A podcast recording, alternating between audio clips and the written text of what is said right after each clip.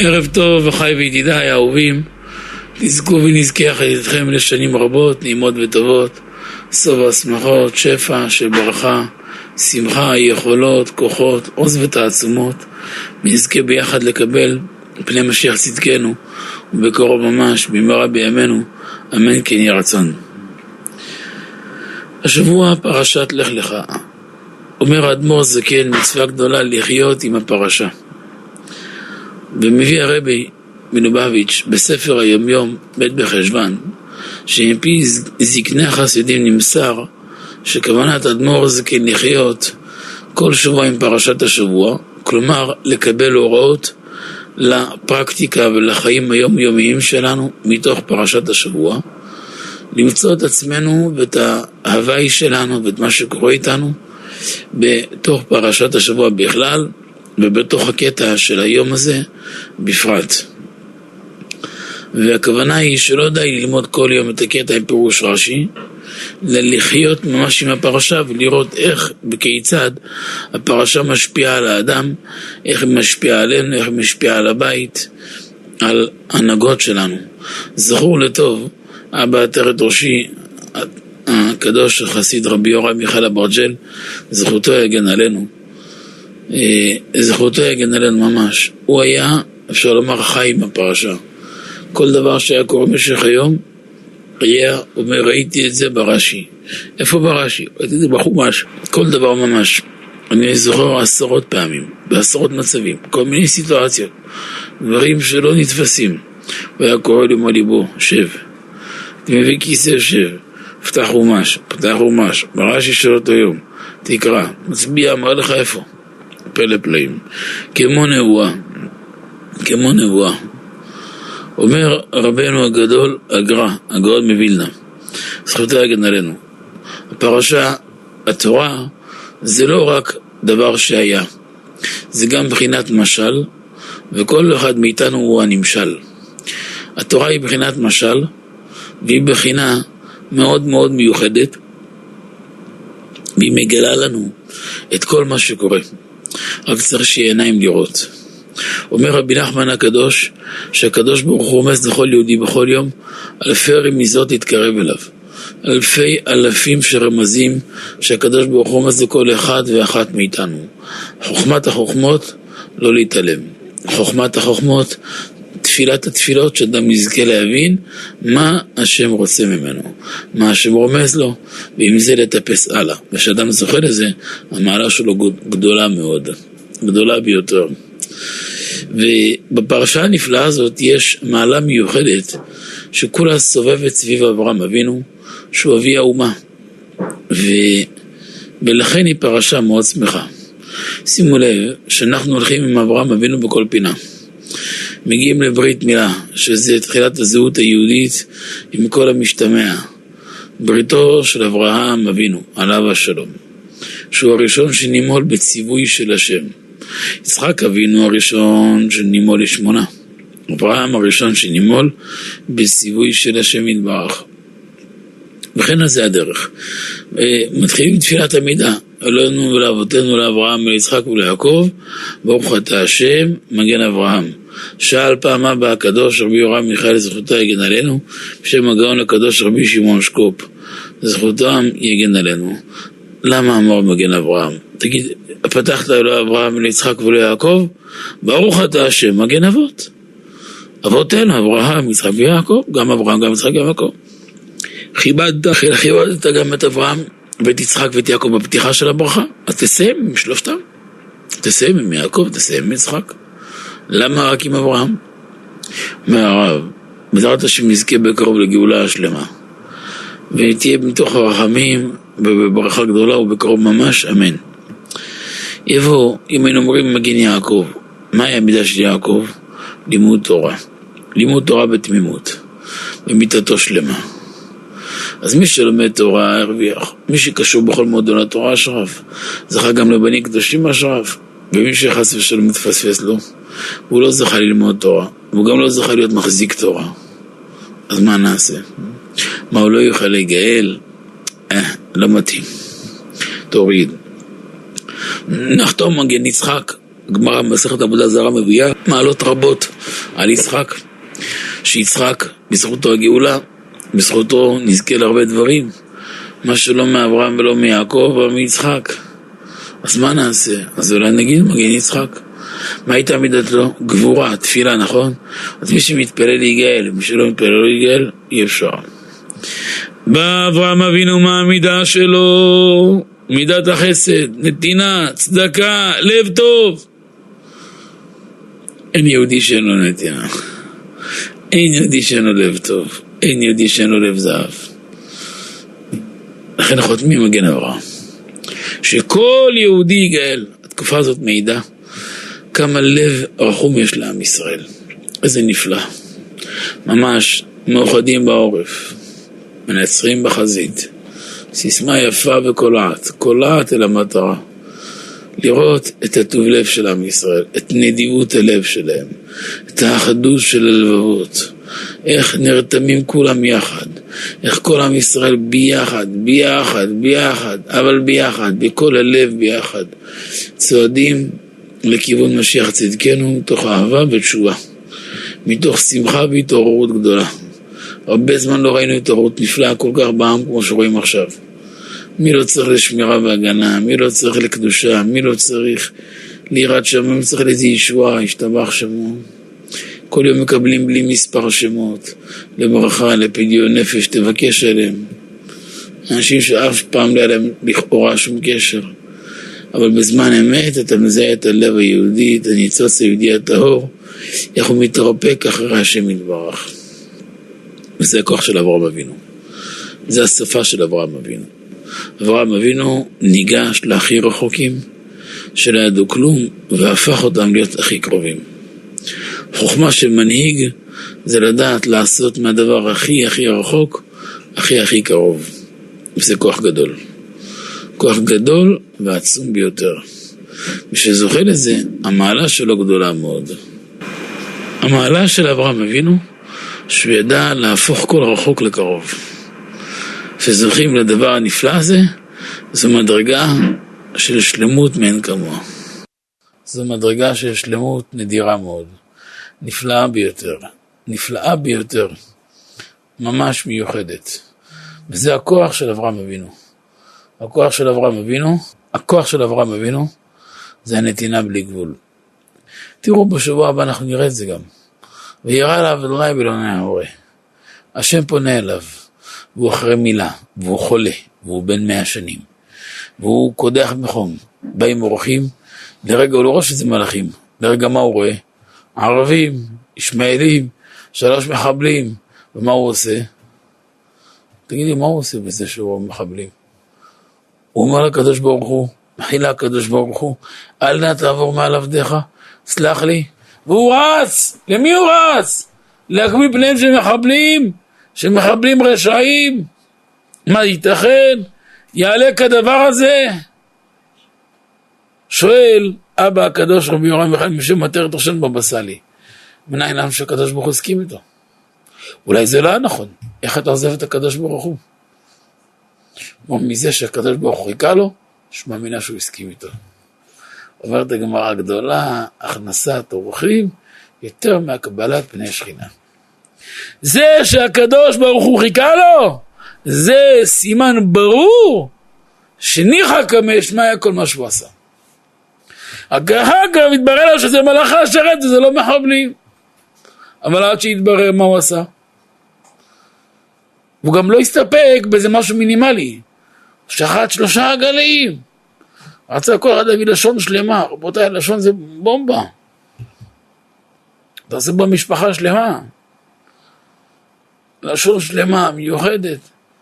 מה אתה עושה עם 700, 900 קילו בשר? לא, לא משנה, לא משנה. קל לכבד את האורחים. איזה נתינה. זה לא מובן. רבותיי, זה לא בתוך אה, תל אביב וכל מוצא בתוך ירושלים. זה במדבר. מדבר, מדבר שומם. כל דבר שעולה דולר צריך לעלות 100 דולר. והוא מביא בחינם אין כסף. מה המחיר תברך ברכת המזון?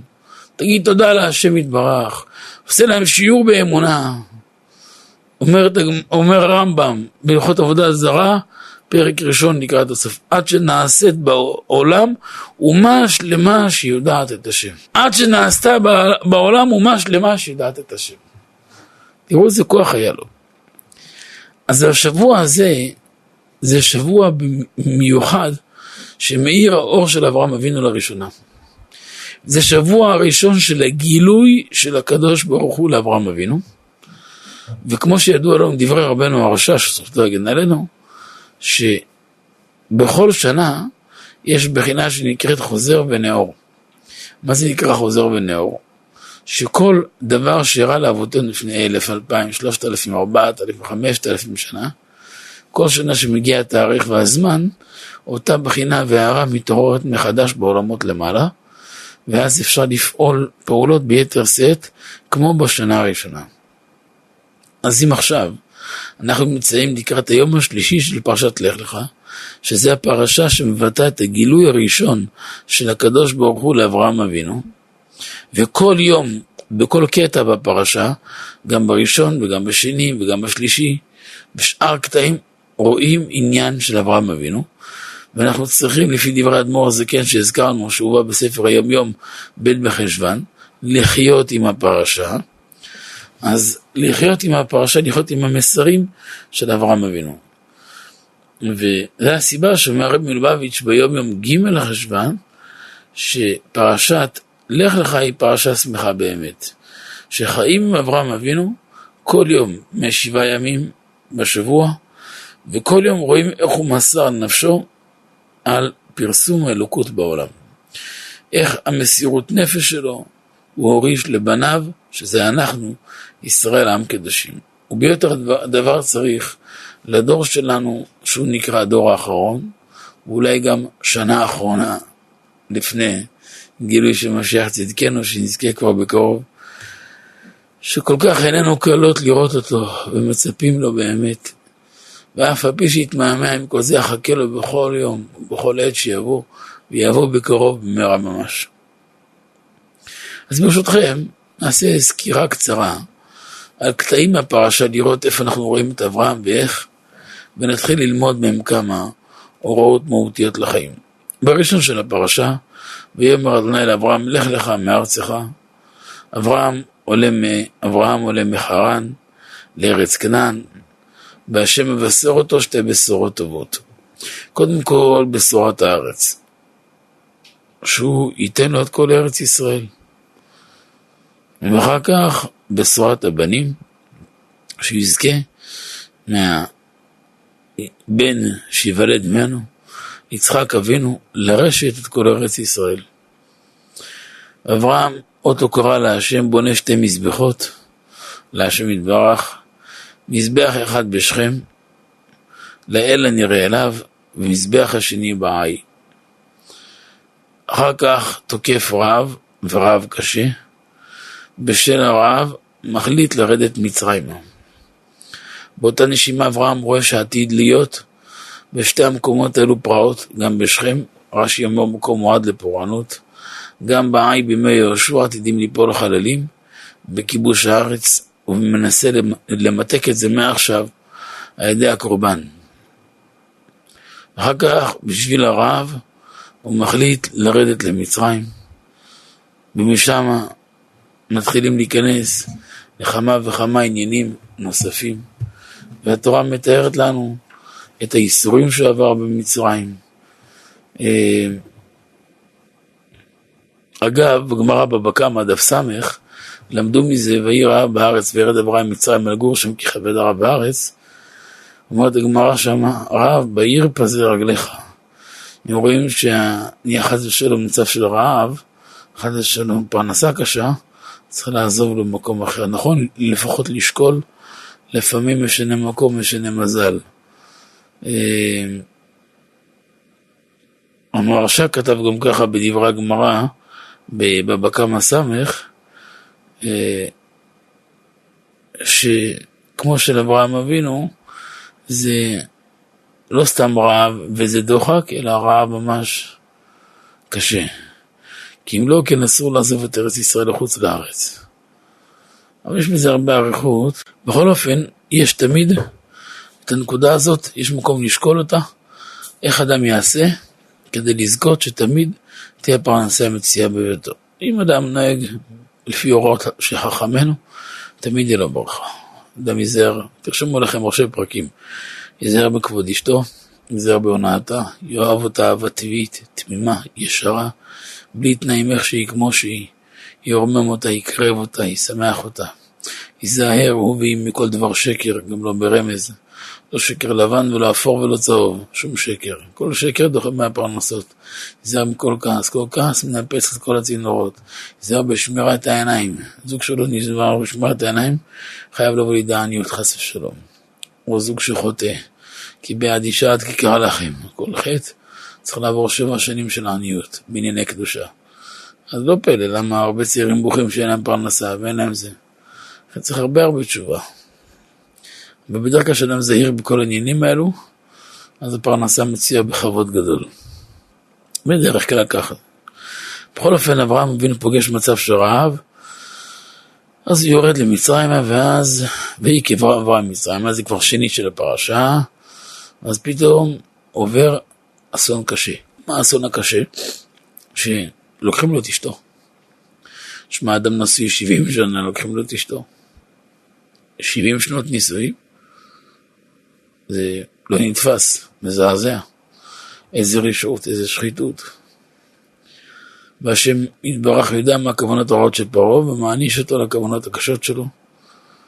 ושרה מנצלת את ההזדמנות והיא לא נושאת פנים לפרעה בכלל והיא מזהירה אותו שעתידים מהבנים שלה לבוא למצרים, משאבות של מצרים. אוי ואבוי לך אם אתה או אנשיך תפגעו בכבודם של בנות ישראל או בצניעות לאורך כל הגלות של, אה, של מצרים. פרעה נדהם, עד הבוקר מקבל מכות שלא חלם עליהם יום שנולד, ונותן את הבת הגדולה שלו, הגר, שהיא בת שלו, שאמורה להיות מלכה, נסיכה, נותן אותה בתור שפחה לשרה. אומר, עדיף לך להיות שפחה בבית הזה ממלכה בבית שלו. והגר הולכת עם שרי. ואחר כך בשלישי, וגם לילות הולכת אברהם, היה צאן ובקר ואוהלים. אומרת הגמרא, מי גרם לילות של צאן ובקר? רעד את מולד תפרן, היה עני דחוק, לא היה לו שקר על הנשמה. מאיפה נהיה עשיר? עשיר גדול, צאן, בקר, ואוהלים ועסקים, נהיה מיליונר, נהיה מיליארדר. מאיפה נולדת, איפה גדלת? מי מכיר אותך בכלל? וגם לילות הולכת אברהם. מגרם לילות שהתעשר כל כך, הולכת אברהם. ולוט שכח שכל הברכה שלו מהקשר עם הצדיק. כשאדם זוכה להתחבר עם צדיקי אמת, הקדוש ברוך הוא פותח לו כל השערים. סכנה גדולה שאדם עוזב את הצדיקים. הוא חושב שאני יכול להסתדר בילדיהם. אומר הנציב הקדוש מוולוז'ין, אה, אומר, בטבעות הארון יהיו הבדים לאסור ממנו. ארון הקודש שהיה במשכן והיה במקדש, והיה מזהב טהור, והיה בתוכו לוחות העדות. והלוחות מעשה אלוהים המה, והמכתב מכתב אלוהים הוא חרוט על הלוחות, ויש שם שברי לוחות שכתב הקדוש ברוך הוא, ולוחות שכתב משה רבנו, שברי לוחות ראשונות ולוחות שניות. וכל זה היה שמה בארון הקודש, והיה שתי לולאות בצד הזה, ככה, ועוד שתי לולאות בצד הזה, והיה מוטות מצד לצד, והיו מחזיקים מפה מוט, מפה מוט, מפה, מראים בזהירות בקדושה גדולה, ארבעה כהנים את הארון הקדוש הזה. אז אומר הנציב, הטבעות הם רמז ליהודים העשירים שהשם בירך אותם בעשירות והם מחזיקי תורה, ש... שהם סמוכים לארון, ובזכותם הם מרימים את הארון, הם מרימים את התורה, אומרים לאמור, התרומה שלנו החזיקה את הישיבה, אם לא כסף שלנו, לא היה לישיבה, מה, מה להתקיים, לא היה להם אוכל, לא היה להם קיום, אז הכל בזכותנו. אומר, אומר הנציב, אהרון נושא את נשאיו.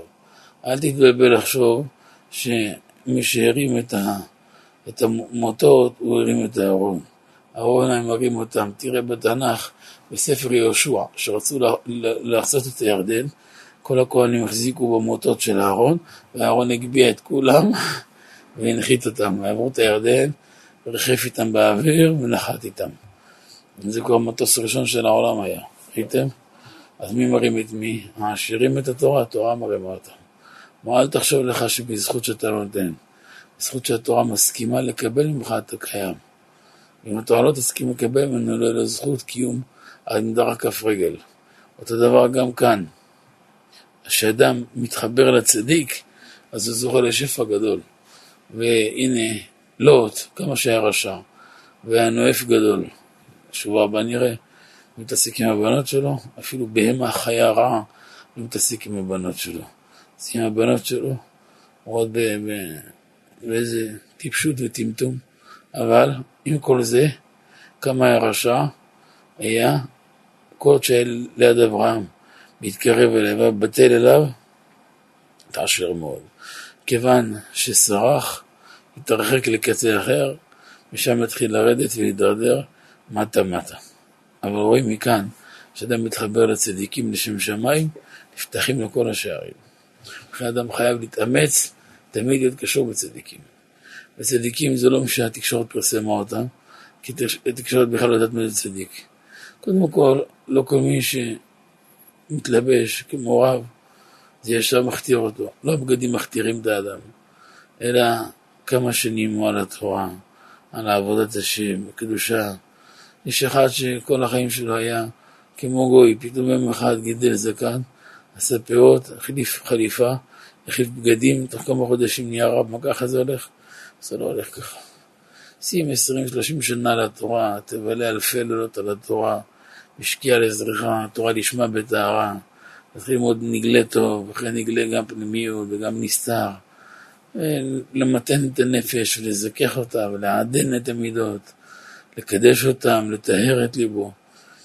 כל גם להיות קשור בצדיקי אמת, שידעו להעמיד אותו בגובה הנכון, במקום הנכון, לרומם אותו שצריך וגם להכות בו שצריך, וביחד עם כל העניינים, אדם יזכה יום אחד להגיע למדרגות נפלאות ונעלות. אבל בלי זה אדם לא יכול להגיע למקום הזה. לכן עיקר הנקודה של האדם להתקשרות בצדיקים. עכשיו, וגם לילות ההולכת אברהם. אז כמו שאמרנו, מי גרם לילות שיתעשר ויגדל? ההולכת אברהם. שהולך עם אברהם, שהיה נאמן לאברהם. אבל פתאום מתחיל להתנפח, נפל לגסות רוח. אומרת הגמרא קשה, גסות הרוח, שבסוף מביאה לאדם עניות קשה, חס ושלום. היא מביאה את האדם למקורות הכי קשות בעולם. הבעל שם טוב הקדוש ידוע שעד הרגע האחרון שלו בעולם בכה והתחנן להשם בתחנונים רבים שאלוהי אל תבוא לרגע גאווה. שמור אותו מכל דבר בפרט מהגאווה. הוא לא פחד מכלום, כלום, כלום. פחד רק לא ליפול בגאווה. אני זוכר בהרבה עובדות שראיתי, ששמעתי, שהייתי יותר קרוב ופחות, אצל התרתח של רבנו עובדיה, שהיה פוסק הדור. וראית אצלו בכל המצבים שהיו, תמיד, תמיד, תמיד בלט הביטול והענווה שלו. יום אחד אני זוכר שהזמין אותו לשיעור ענק של טובי הרופאים בארץ. סוגיות סבוכות שמתנגשות הלכה ורפואה. כל מיני מצבים עם שבת, עם יהדות, עם נידה, כל מיני מצבים מסובכים מאוד, שמתנגשים הלכה ורפואה, מה ואיך לעשות. היה שם טובי הפרופסורים, טובי הדוקטורים, טובי הרופאים, טובי מנהלי המחלקות של בתי חולים בארץ ובתפוצות. מאות, מאות רופאים. אולם ענק, שכל מי שנכנס לאולם זה דוקטור ומעלה, דוקטור פרופסור. מכל, מכל רחבי תבל הגיעו לכינוס הזה. בדלת, שהרב, לפני שיצא מהאוטו, כבר נכנס, הרב שאל למארגנים, אחד העוזרים, מה, מה הכינוס הזה? אמרו לו, זה הלכה ורפואה. אה, אני צריך לדבר עכשיו סוגיה של התנגשויות של הלכה ורפואה, איך להתייחס. אמרו לו, כאילו, בוא'נה, בסדר, אין בעיה. אמר אנשים ייחוד, התחיל שיעור, וכולם מכינים מהעטים שלהם, כלי הכתיבה, ממלאים מחברות. מאות אנשים. שעתיים של שיעור סוער, ים סוער, מה אין להם מתגבר. מעלה בעיות עם מצבים הלכתיים, מצבים רפואיים, סיטואציות, מסביר ככה וככה. אתה חושב מצד אחד גאון גדול כמו משה רבנו משעתו, מצד שני כמו הרמב"ם בשעתו, גם הלכה גם רפואה, מה היה להם מתגבר? בקיאות שלא נתפסת. כולם בטוחים שחצי שנה הוא הכין את השיעור הזה. איך שהוא גמר את השיעור, היה לו נק, כן, בצד. אז לא, המזכיר שהיה איתו לא, לא זכר לכבות מיד את הנק. אז הוא שומע אותו אומר כל מיני פסוקים של הענווה, לא גבה ליבי ולא רמו עיניי ולא הלכתי בגדולות נפלאות ימיני ואנוכי עפר ואפר ואנוכי עפר ואפר ואנוכי עפר ואפר. אז ניגשתי למישהו, אמר לו, למה הרב אמר ככה? אמר לו, אני לא הייתי מוכן לשיעור בכלל, שאני לא ידעתי מה זה הכינוס הזה. באתי פה בדלת, שאלו אותי מה, אז אמרו לי מה הנושא, ולא התכוננתי בכלל. בשורת הגעה אני לא יודע מה לדבר, אני מודה להשם שנתן לי שיעור טוב, אבל חסד השם יתברך, אני לא רוצה ליפול בגאווה, כי ליפול בגאווה מאבד הכל. זה לא נתפס, אבל ככה צריך להתאפס. מצד אחד גדולה אינסופית, מצד שני תכלית הביטול והכנעה. אז עוד פעם, מי גרם לילות שילך עם אברהם? מי גרם לילות כל העושר? הולך עם אברהם. זה שהיה עם אברהם בטל ונאמן הרוויח, אבל ברוח רע יצרה, הכניס לו הרהורים על הרב, מחשבות לא טובות על הרב. זה רואים אצל הרבה אנשים שהתחילו להתקרב, ובעלי תשובה יקרים עשו כברת דרך ארוכה, ורב לקח אותם מהתאומות, מהאשפות, אכל את כל הזבל שלהם, ועבד עליהם כמה שנים, והזיכך אותם, וטיהר אותם, וניקה אותם, והפשיט מעליהם כל מלבושים מצויים, כל ימי החושר והאפלה שעברו עליהם, וטיהר אותם, וקידש אותם, ונתן להם מהאור שלו, מהצלם שלו. פתאום יום אחד מתחילים לקום על הרב שלהם. יש להם סיסמה חדשה, כל הרשעים האלו. זה לא מהקדושה, זה כן מהקדושה. מי אתה ומה אתה שתגיד מי מהקדושה ומה מהקדושה ומה לא מהקדושה? מה זה המושגים האלו? שבשקט.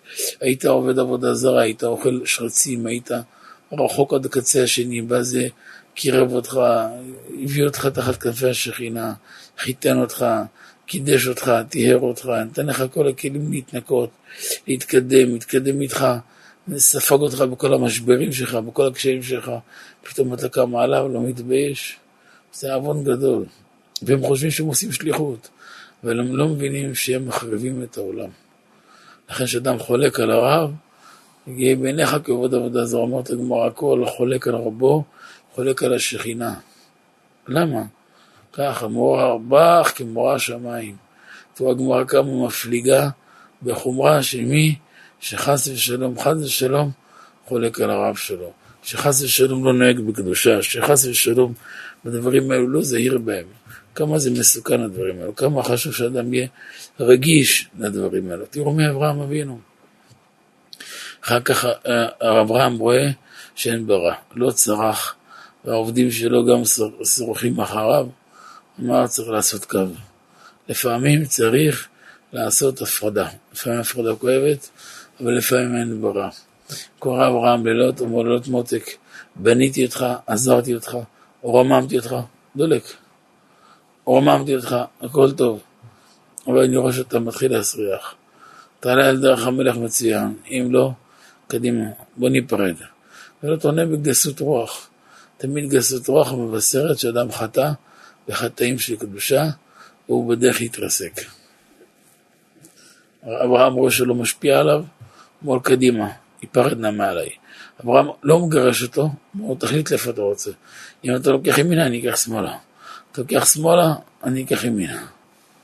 והוא בגב, הוא גסות רוח, הולך, מתריס, מתהפך ולוקח שמאלה. הולך לסדום, שהמעשים שלו היו דומים לסדום. וסדום היה המקום הכי הרבה רשע בעולם.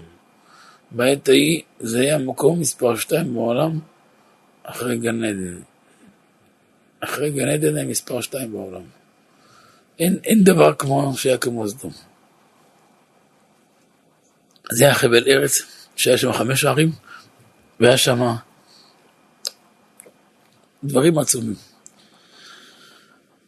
אבל מעשיו קלקלו לו מסכן, וגרם לו לנפילה קשה מאוד.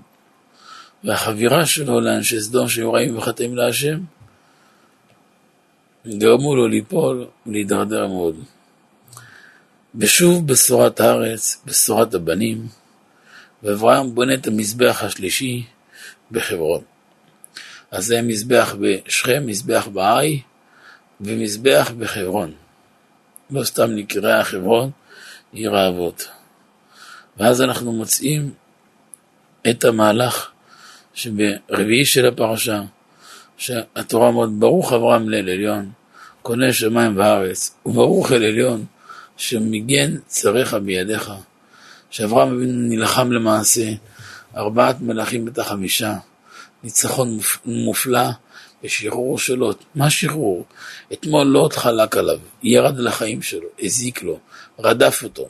שימו לב, זה אותו תלמיד שבגד ברבו, מעל ברבו, כל מה שרבו היטיב איתו, והוא התהפך על רבו. אבל לא ארוכו הימים, תקופה קצרה, והקדוש ברוך הוא הפך את הגלגל, הפך את הקערה על פיה.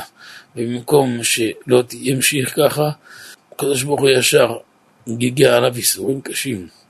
למה? כל עוד שאדם קשור ברב שהוא צדיק אמיתי, יש לו שמירה והגנה. ברגע שהוא מתנתק מהרב, מתנתק מהחיים. חוץ מהכבוד. כמו לטאה, תחתוך לו את הזנב, הוא ממשיך ללכת, אבל אתה יודע שזה הוא לא, לא יאריך ימים. יש לו עוד כמה דקות והוא יעצור. זהו ככה זה. אדם שמתנתק מהרב, שהוא צדיק, הוא מתנתק מהמנוע שלו. החיים של האדם זה דרך הצדיק. לפעמים אדם קשור בצדיק אמת, וצדיק יכול לראות שאדם מעוצב לא טוב, ואיזה מלאך קשור לו ברגליים חס ושלום, או שהוא כבר רגל בחוץ. למה? הוא צעיר או לא צעיר? זה לא תלוי באף אחד. הנה תקופה כמו עכשיו, מלחמה, מישהו יודע מה יהיה עוד שעה?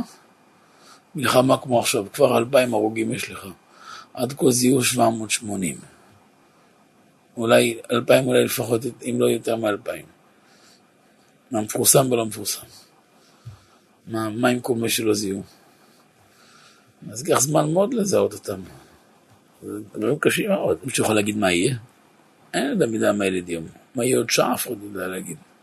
גם כל גורמי הביטחון לא יכולים להגיד. יכולים לשער לפי נתונים כאלה וכאלו מה יכול להיות. לא יותר מזה. מי שומר על האדם, זה קשר בצדיקים האמיתיים. לפעמים נגזר על אדם שעוונות ימות בלא עת. אבל הוא קשור בצדיקי אמת, והצדיק אומר, מה פתאום צריכים אותו איתנו. הוא צעיר לו, יש לו משפחה, וגם נאמן לנו, והוא עוזר לנו, וצריכים לו. צריכים לו! אז מה נעשה? ייגר בו, יעשה איזה כעס עליו, יעשה לו איזה, ככה יעמיד לו פנים קצת, ירד עליו, קצת יבזה אותו, וזה במקום מיטה. אתה יודע מה זה? אם יודע מה יודע, הם נשק את הנעליים של הצדיק. אנשים כאלה דעת, אבל לא יודעים. לא חושבים בכלל. ככה זלות. עכשיו, בדיוק, הוא התנגד לאברהם, התהפך על אברהם, התחיל ללכלך על אברהם. אתה לא מתבייש לדבר נגד אברהם, גם דוד שלך, גם הרב שלך. הוציא אותך מהשפעות. איי איי איי. והלך אצל אנשי סדום. אבל מיד קמו עליו מלכים, רדפו אותו, הסתלק השמירה מעליו. כשהקדוש ברוך הוא מסתלק ממקום, לא צריך יותר מזה. זה שהקדוש ברוך הוא הסתלק, הסתלקה השמירה מעל המקום, זהו. מפה כבר אין, אין שום דבר, זהו. נגמר, אין שמירה, אין כלום. צריך הרבה הרבה תשובה. ים של תשובה, ים של קדושה. פש, איזה דברים, איזה דברים, איזה דברים. ולא נשא אותם מארץ השבט יחדיו. ועד נפרד, קמו מלחמה קשה. ארבעה מלכים את החמישה ושבו את לוט. אברהם רק שומע שנלקח לוט בשבי, אברהם לא נשאר חייב. הוא לא זוכר את כל הרע שהוא עשה. מה היה אברהם צריך לומר, אה, השתבח שמו, ברוך אומר ועושה בר גוזר ומקיים, איזה יופי. היה צריך לשמוח, ברוך שעשה דין ברשעים, לא? כזה כפוי טובה. כל כך הרבה שנים אומר אברהם, אני היטבתי איתו, הוא רודף אותי לא מתבייש, הנה הקדוש ברוך הוא החזיר לו. אין אברהם לא אמר את זה. מיד וירק את חניכה ולידי ביתו, שמונה עשר או שלוש מאות. גמרא נחלה קוראים לזה שלוש מאות שמונה עשרה אריות לוחמים באמת, או אליעזר עבדו, ששיקול כמו שלוש מאות שמונה עשרה. אבל מה שלא יהיה, אברהם רץ למלחמה אצל לקרב, והיו ניסים. לוקח עפר, זורק על האויבים, כל גרגיר הופך להיות פצצה. אם היום יהיה לצה"ל דבר כזה, השתבח שמו, עד הבוקר אנחנו עושים השכבה לכל עזה. לא רק לעזה, לכל החבל ארץ של עזה, גם מפה לזה, גם לכל ישמעאלים. כולם, כולל איראן, כולל כולם. כל גרגיר חול, היה לוקח ערימה של חול, זורק עליהם, כל גרגיר הופך לפצצה. זהו, נגמר. היה ככה משמיד. כיסח, כיסח אותם. תשע מלכים, ארבע מול חמש, ואברהם על כולם משתבח שמולד, איזה כוח. והוציא את לוט מהשבי. שימו לב איזה עבודת מידות. האדם הזה רדף אותו, האדם הזה ביקש את נפשו, ביזה אותו, ואברהם אבינו לא נתפס. אומר רבא זה הכוח של מעלת הנשתבן, אחת המעלות היפות ביותר ביקום שיכול להיות, שנקרא מעלת הנשתבן. מה זה נשתבן? שגם אם יבזו את האדם, ביזיונות הכי קשים, או שישבחו אותו שבחים הכי גדולים, אף פעם הוא לא מסתבך לא מזה ולא מזה. תראו מה זה. על אף כל הכפיות טובה שלו לגבי אברהם, בהתנהגות המחפירה שלו, וכל זאת אברהם שומע שלוט נפל בשבי במלחמת המלכים, אז רק הגיע בחלציו ויוצא במסירות נפש של ממש להילחם בארבעה מלכים. כאן תילחם בארבע צבאות, מקביל, חזיתי, הוא מחזיר את כל השבויים לחיים טובים. זה מעשה שמעיד על גודל הדבקות של אברהם אבינו בהשם יתברך, על גודל השמחה שהייתה לו בעבודת השם יתברך.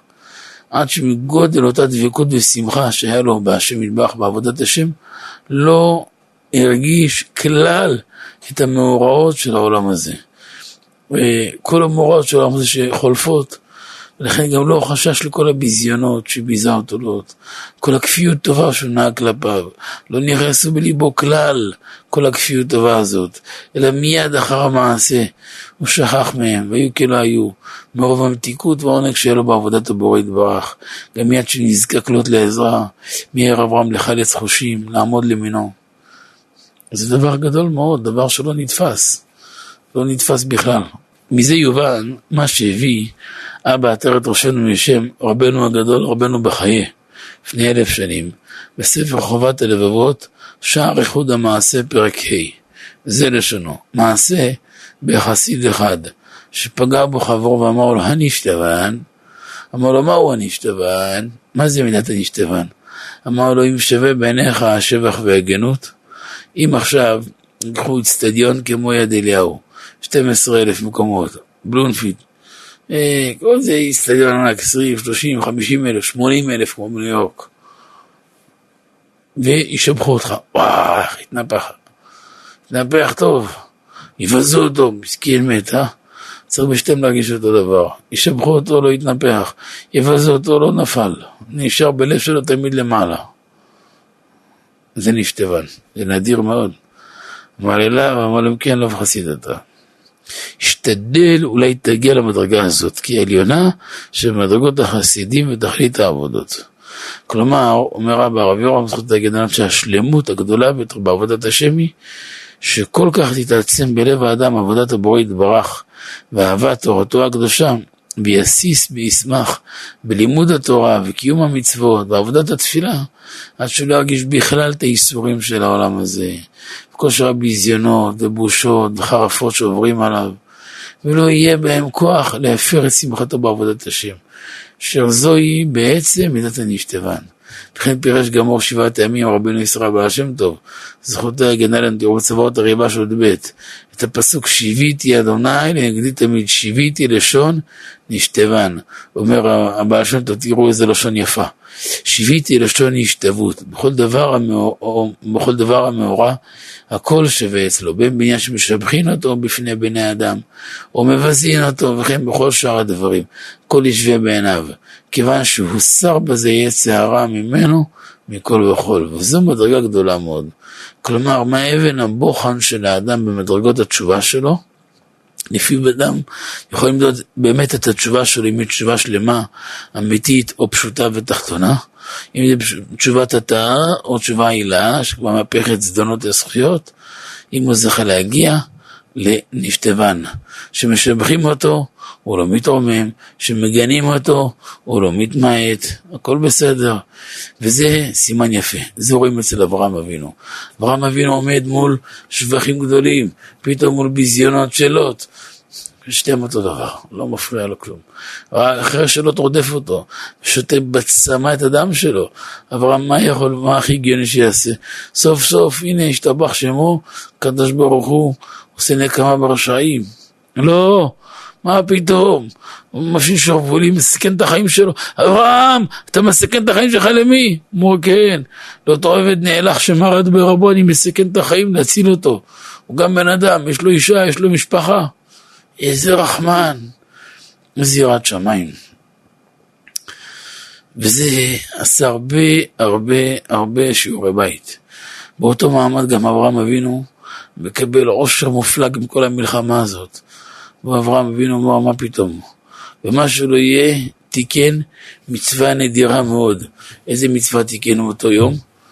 מצווה מאוד מאוד נדירה, מצווה גדולה מאוד. הוא הראשון שיסד את המצווה הזאת של המעשר, וייתן לו מעשר מכל. למדנו מזה על הפרשת מעשר כספים והרכוש. כך כתב רבי אליעזר גדול בפרקי רבי אליעזר פרק כ"ז. רבי יהושע, תשמעו איזה לשון, רבי יהושע בן כרוכה אומר, אברהם התחיל ראשון להסר בעולם. לקח את כל מעשר סדום ועמורה וכל מעשר לוט בן אחי ונתן לשם בנוח. שנאמר וייתן לו מעשר מכל. וכיוון שהזכירה התורה עניין מעשר כספים, הרי כל הנותן מעשר מכל אשר לו, מקיים בזה רצון התורה הקדושה. וכן גם מביא במדרש רבי תנחומה, פרשת כי תבוא, לא יאמר אדם, אילו נתן לי הקדוש ברוך הוא שדה, הייתי מוציא מעשרות מתוכה. עכשיו שאין לי שדה, אני לא נותן כלום. אמר הקדוש ברוך הוא, ראה מה כתבתי בתורתי, ברוך אתה בעיר, לאותם שיושבים בעיר, שהפרנסה שלהם בתוך העיר. מעשר מן הרכוש שיש לו בעיר. ברוך אתה בשדה, אותם שיש להם מעשר מהשדה, מבחוץ. גם כך אמרו בפרשת ראה, עשר תעשר. איזה מפרסי הים, ימים, שהם יורדים בים, באוניות, להפרש אחד מן העשרה לעמלי תורה. גם בספר הקדוש מנורת המאור, מערי אבואב, עוד קצ"ב, קצב. למה, למה קצב קצ"ב? באמת שהקצב של ההכנסות תלוי בקצב של התרומות. אדם עכשיו בתקופה של מלחמה, מעיתון יהיה לא ייתן, אותו רגע שהוא אומר לא ייתן, הקדוש ברוך הוא סגר לו איזה שלוש ארבע לקוחות, אה, שעליהם יכול כל העסק לעמוד. רק הוא מקבל נתינה מלאה, כבר השם פותח לו דלתות. אה, מנורת המאור צדיק בית אבי, אחר שהביא דברי המדרש כתב לפיכך אל ירפא אדם מן המעשרות, יתנם כראוי מן השדה ומן הבית, וכל מה שיבוא לידו, בשום עניין בעולם. גם תוספות בתעלי דף ט', וזה גם מתאים לשבוע, כי אתמול התחלנו ברך עלינו, יום ראשון התחלנו ברך עלינו. ברך עלינו, עלינו, עלינו. נכון? פרנסה. ברך עלינו, זה מתאים לפתוח את זה. אז תעשו את הענית, תביאו בשם הספרי, שעשר תעשה כל טובת זרעך, אז שואל תעשות מה ייכול? לרבות שחייב במעשר, מכל מה שמרוויח. דרשה זו היא אסמכתה, כמו שהביא הגאון הקדוש רבי עקיבא איגר, בחידושים שלו לפאה, פרק א', גם בירושלמי אמרו, ירושלמי אה, הביא את זה המורדכי בפרק כמה דבבא בתרא, גם ביור הגר"א שולחן ערוך יורדי רמ"ט ודברי ירושלמי, שמעשר העני נוהג אפילו בכספים, ולמד זה מהפסוק במשלי, כבד את אדוני מהונך ומראשית כל תבואתך. וגם, דיברנו על זה כבר שנים שעברו, ששיעור נתינה של צדקה, זה כמו שמבואר בשולחן ערוך יורדי הרש מ"ט סימן סעיף א', אם ידו משגת ייתן כפי צורך העניים, ואם אין ידו משגת, מסכן דחיקה לשעתה טובה, ייתן עד חומש נכסיו מצווה מן המובחר, זה נקרא עין טובה. מעשר, אחד מעשרה זה מידה בינונית, זה ממוצע, פחות ממעשר עין רעה. לפני חמש שנים דרשתי את זה בשיעור באשדוד, אפילו יותר, שש, שבע שנים, שבע שנים. ואז אמרתי, עצם שאדם מחשבן את ההכנסות שלו מול ההוצאות ומול צדקות, זה כבר עושה ברכה בחשבון. שיעור השם גרע ממעשר ובחומש, משלים, חומש זה 20 אחוז, מעשר זה 10 אחוז. היה רגילה ברבי יורם מיכאל זכותו להגן עלינו, לומר, אה, שמעשר 10 אחוז מסוגל העושר. אבל 20% מסוגל גם לעושר, גם לתיקון הנפש. תראו מה שהעריך בזה, כי יד השם הטובה, בצור ירום החדש שיצא לפני שבוע, אה, הגיע את התשובה ארבעה חלקים. זה דבר נפלא ביותר, רואים? זה פרי של המון המון שנים של עמל והגיע פה. אני בעצמי כתבתי מהתורה שלו, כאן הרבה, והרבה ממערכת של מיר לארץ, אבל עוד פרק שטט כולל, זה 90 אחוז עבודה שלי אפילו, בתוספת צוות של אמיר לארץ, כאן על פי השיעורים שלו, דרכים בתיקון הנפש, בשיטה נפלאה, נדירה, פרי של כמעט 16 שנים של עמל, מאוד מאוד מיוחד, נדיר מאוד, באשר מי שזוכה בזה, זה פלא פלאים, זה הופך את הבצור ירום ל-21 חלקים, בכלל, מי שעוד לא זכה לשאת הנפלא הזה, מצווה שיביא את זה הביתה, זה ממש מתנת שמיים, אין דומה לו, אין דבר שסולל דרך גם בעבודת השם, גם מאיר את הלב, כמו שהוא מדבר כאן. לפחות מה שיודעי ומכירי, אלפי בתים שעמדו בשוקת שבורה, זכו על ידי הקיביוש שלהם רבע שעה, עשר דקות ביחד כל בסט הזה, מדרגות נפלאות. ופה באגרת התשובה, פה בסט הנפלא הזה שאני אוחז בידי, הוא פותח הרבה הרבה דרכים איך על ידי צדקה, באופן נכון של צדקה, אדם מתקן גם חטאות נעורים, גם החלקים הקשים ביותר. וגם מה שאי אפשר לתקן על ידי צדקה באופן נכון, במקומות נכונים, אפשר לתקן הכל. ודברים שאין להם מחיר, וכדאי לראות את זה באריכות. והערכנו בזה כבר שנים שעברו, ואז אני זוכר שאמרתי שעצם שאדם מחשבן את החשבון מול הכנסות מול הוצאות, זה כבר פועל רושם עצום ומושך ברכה בבית ובחשבון. והרבה פעמים אדם בטוח שהוא נותן חצי, 30 אחוז, ואפילו מעשר הוא לא נותן. אז אמרתי את זה גם ככה, ואדם אחד בא אחר כך, אמר לי הרב אין דבר כזה, אני נותן חצי, ואין מצב, אפילו אחי ככה וככה וככה, קשה לו. אמרתי לו, תעשה בדיקה. אמר לי, לא אין מצב. אמרתי לו, אם אמרתי, אין דבר כזה שבאוויר. כל מה שאמרתי, אני לא אומר מהבטן, אמרתי עם הספרים הקדושים, קראתי. אני אומר מקורות נאמנים. טוב. אז הוא בדק עם עצמו, בא יומיים, הוא אומר לי, הרב, צדקת. אמרתי לו, מה צדקתי? אה, אז הוא אומר לי, הרב, הייתי בטוח שאני אתן חצי, אחרי בדיקה, בחיים לא נתתי אפילו מעשר. אפילו לחמש, לשמונה אחוז לא הגעתי. עכשיו תירצת לי הכל, אמרתי, אתה רואה? עצב שאדם מחשבן, רואה ברכה. מה זה? בשיעור הנתינה של צדקה, אז אם אדם משגת, כפי צורך העניים, אומר מרן, אם לא, אז ישתדל חומש. אם גם הזיקה שלו, מינימום מעשר, פחות מכאן עין רע. חומש זה שאמרו, אומר מרן שם ביורד דעה רשמית, שנה ראשונה מהקרן, אה, מכאן ואילך חומש מהרווח בכל שנה. ונראה שהוא עוד ניגע במעשר לבינוני, שנותן שנה ראשונה מעשר מהקרן, אחר כך מעשר מהרווח, לכן משמע גם בפרישה ביורד הארש מ"ט. וגם מי שמפריש, חומש טוב יותר שיפריש שני פעמים מעשר. כי מעשר, על פי הקבלה רומז יסוד גדול. ויש אלף ומאה ריקים, אלף מאה ריקים, שניזונים בזכות מעשר, שאדם מפריש. אז אם אדם מפריש פעמיים מעשר, נגיד הוא מרוויח עשרים אלף, אז מעשר שלו זה אלפיים, חומש זה ארבע אלף, אז יפריש אלפיים ועוד אלפיים, אפילו באותו מקום. למה? אז הוא עושה כאן מעשר פעמיים, וכל פעם הוא מושך חיים בחיות ושפע וברכה לאלף ומאה ריקים, שניזונים בזכות מצווה של מעשר, כמו שכתבו כל הספרים, וגם הם, הם, הם, הם מלמדים עליו זכות לפני הקדוש ברוך הוא. וחומש, אם אדם אה, רוצה לתת יותר ממעשר, אבל גם לא יכול חומש, כמה שיכול להרבות זה טוב. אבל מה שכן צריך שאדם גם לא יצטרך חס ושלום לבירות, ייתן בוודאי בעין טובה, וגם יראה שמחר האישה צריכה משהו, ילדים צריכים, יש לו מאיפה להוציא, והקדוש ברוך הוא רואה את ליבו הטוב, ישלח ברכה בעמלו. מי יסד את המצווה הזאת? אברהם אבינו. ויברכהו ויאמר, ברוך אברהם לאל אל עליון אשר מגן צריך מידיך, וייתן לו מעשר מכל, וייתן לו, אברהם נתן מעשר מכל, מה שהיה לו לשם, ששם היה כהן, והוא כהן לאל עליון, השם היה גדול הדור, וגדול הדור נקרא כהן. יש בן איש חיים מעניין בבן יהודה שם על הש"ס, אמר שפעם היה בית המקדש קיים, אדם חוטא מביא קורבן, מתכפר לו. והוא מביא לפני הכהן, מתוודה, שמח שתהיה ידיו עליו, התוודה. ואז הקדוש ברוך הוא מכפר לו, אבל עכשיו אין בית המקדש, ואין לנו כהן שיכפר בעדנו, אז מי הכהן שלנו? זה תלמידי חכמים. אדם הולך אצל תלמיד חכם, זה רב שהוא גדול בתורה, גדול בקדושה, וגם אומר רבי נחמן, גם זכה התוודות בפניו, ותן צדקה בעין טובה. פעם ניגש חסיד אחד לרבי מלובביץ', הוא שאל, רבי, הרבה אומרים מעשה פדיון נפש, מה השיעור של פדיון נפש? אומר הרבי, יש מחיר לנפש? אין מחיר לנפש, גם תגיד מיליארד דולר, זה לא מחיר לנפש. אלא מה?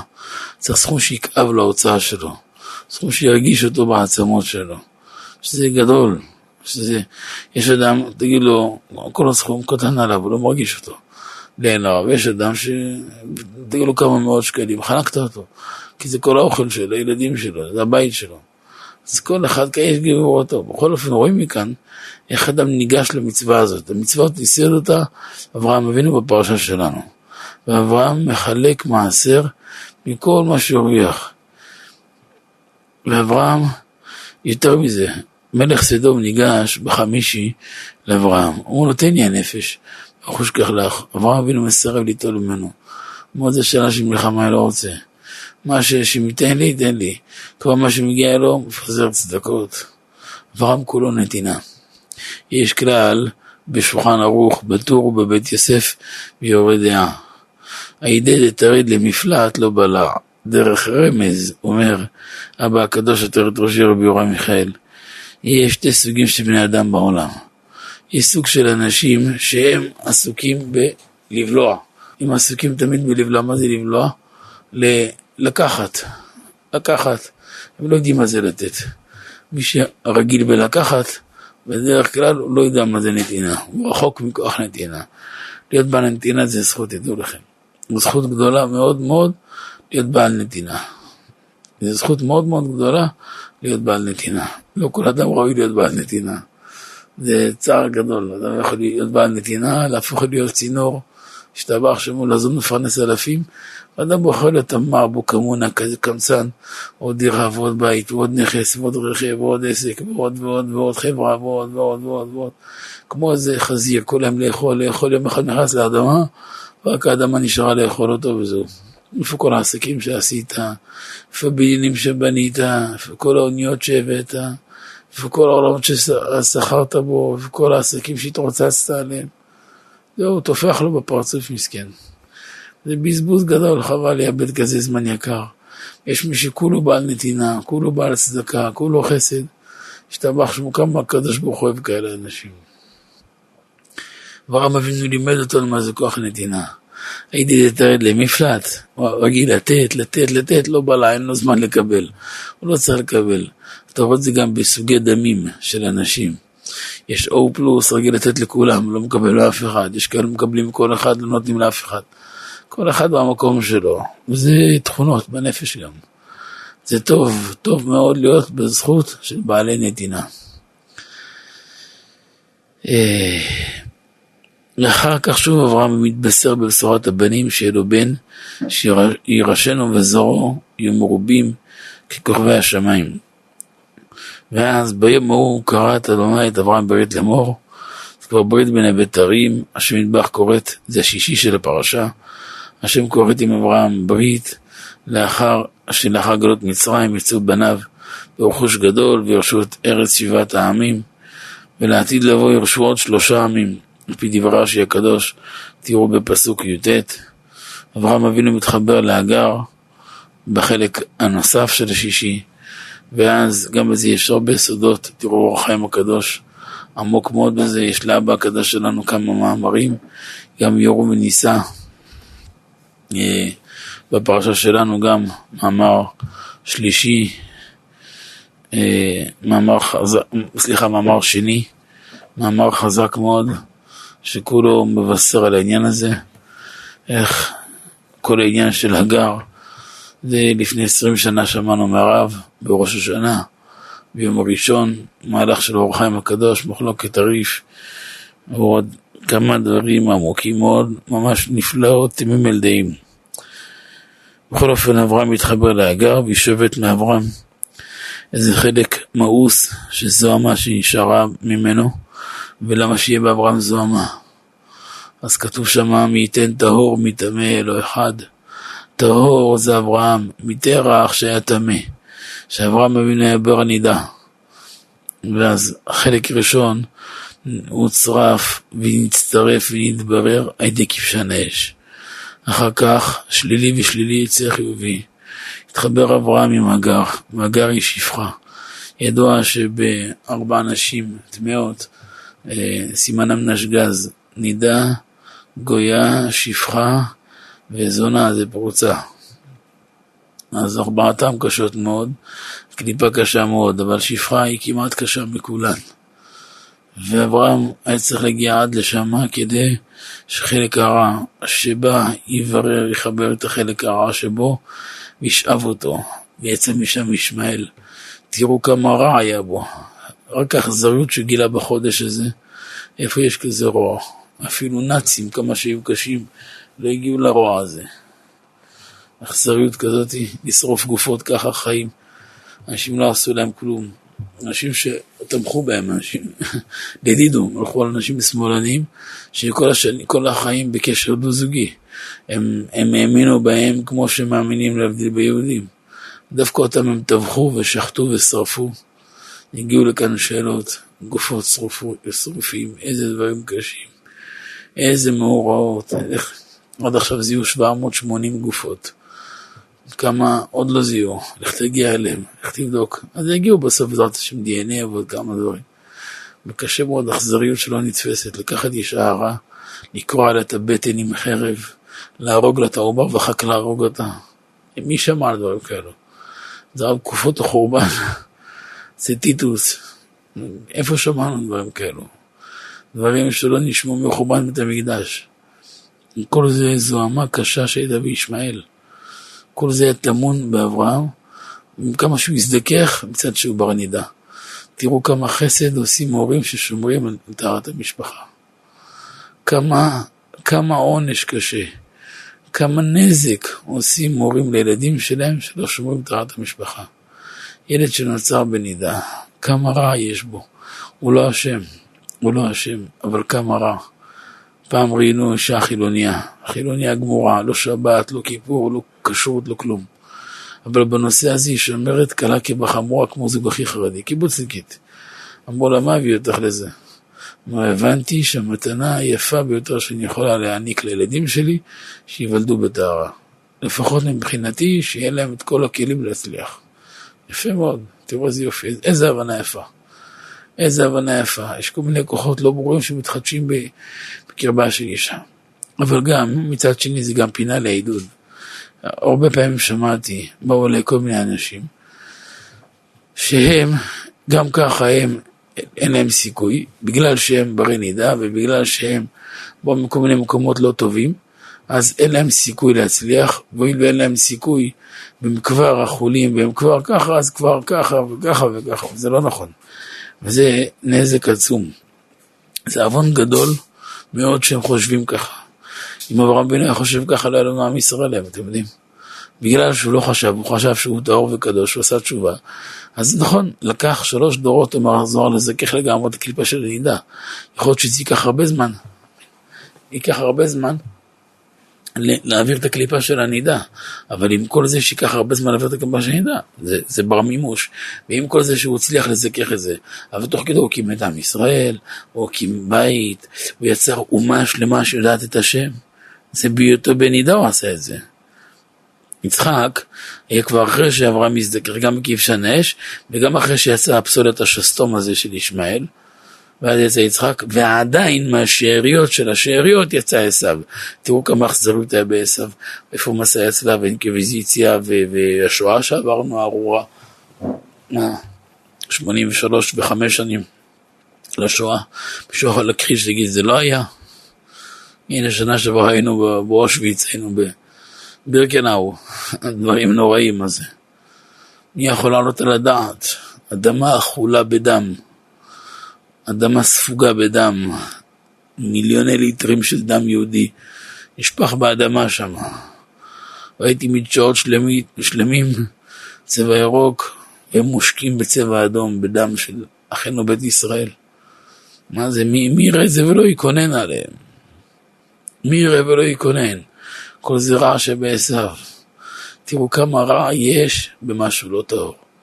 כמה חשוב שאדם יהיה זהיר. וגם אדם לא היה זהיר, שמהיום יהיה זהיר. מצד שני, גם אדם לא היה זהיר, לא יתייאש מעצמו. פעם כתבה לי גברת אחת, שהואיל והיא נולדה במצב כזה וכזה, אז היא יודעת שאין לה סיכוי ואין לה ככה, אז לכן היא לא תתחתן, והיא גם לא תביא ילדים, והיא גם לא ככה, וגם לא ככה, וגם לא ככה, ולא, ולא, ולא. זה חמישים דברים. מבחינה זה רוח שטות, זה שיבוש, זה לא רצון השם, זה לא דרך תורה. זה לא דרך תורה. מאברהם אבינו לומדים את כל המוסר השכל.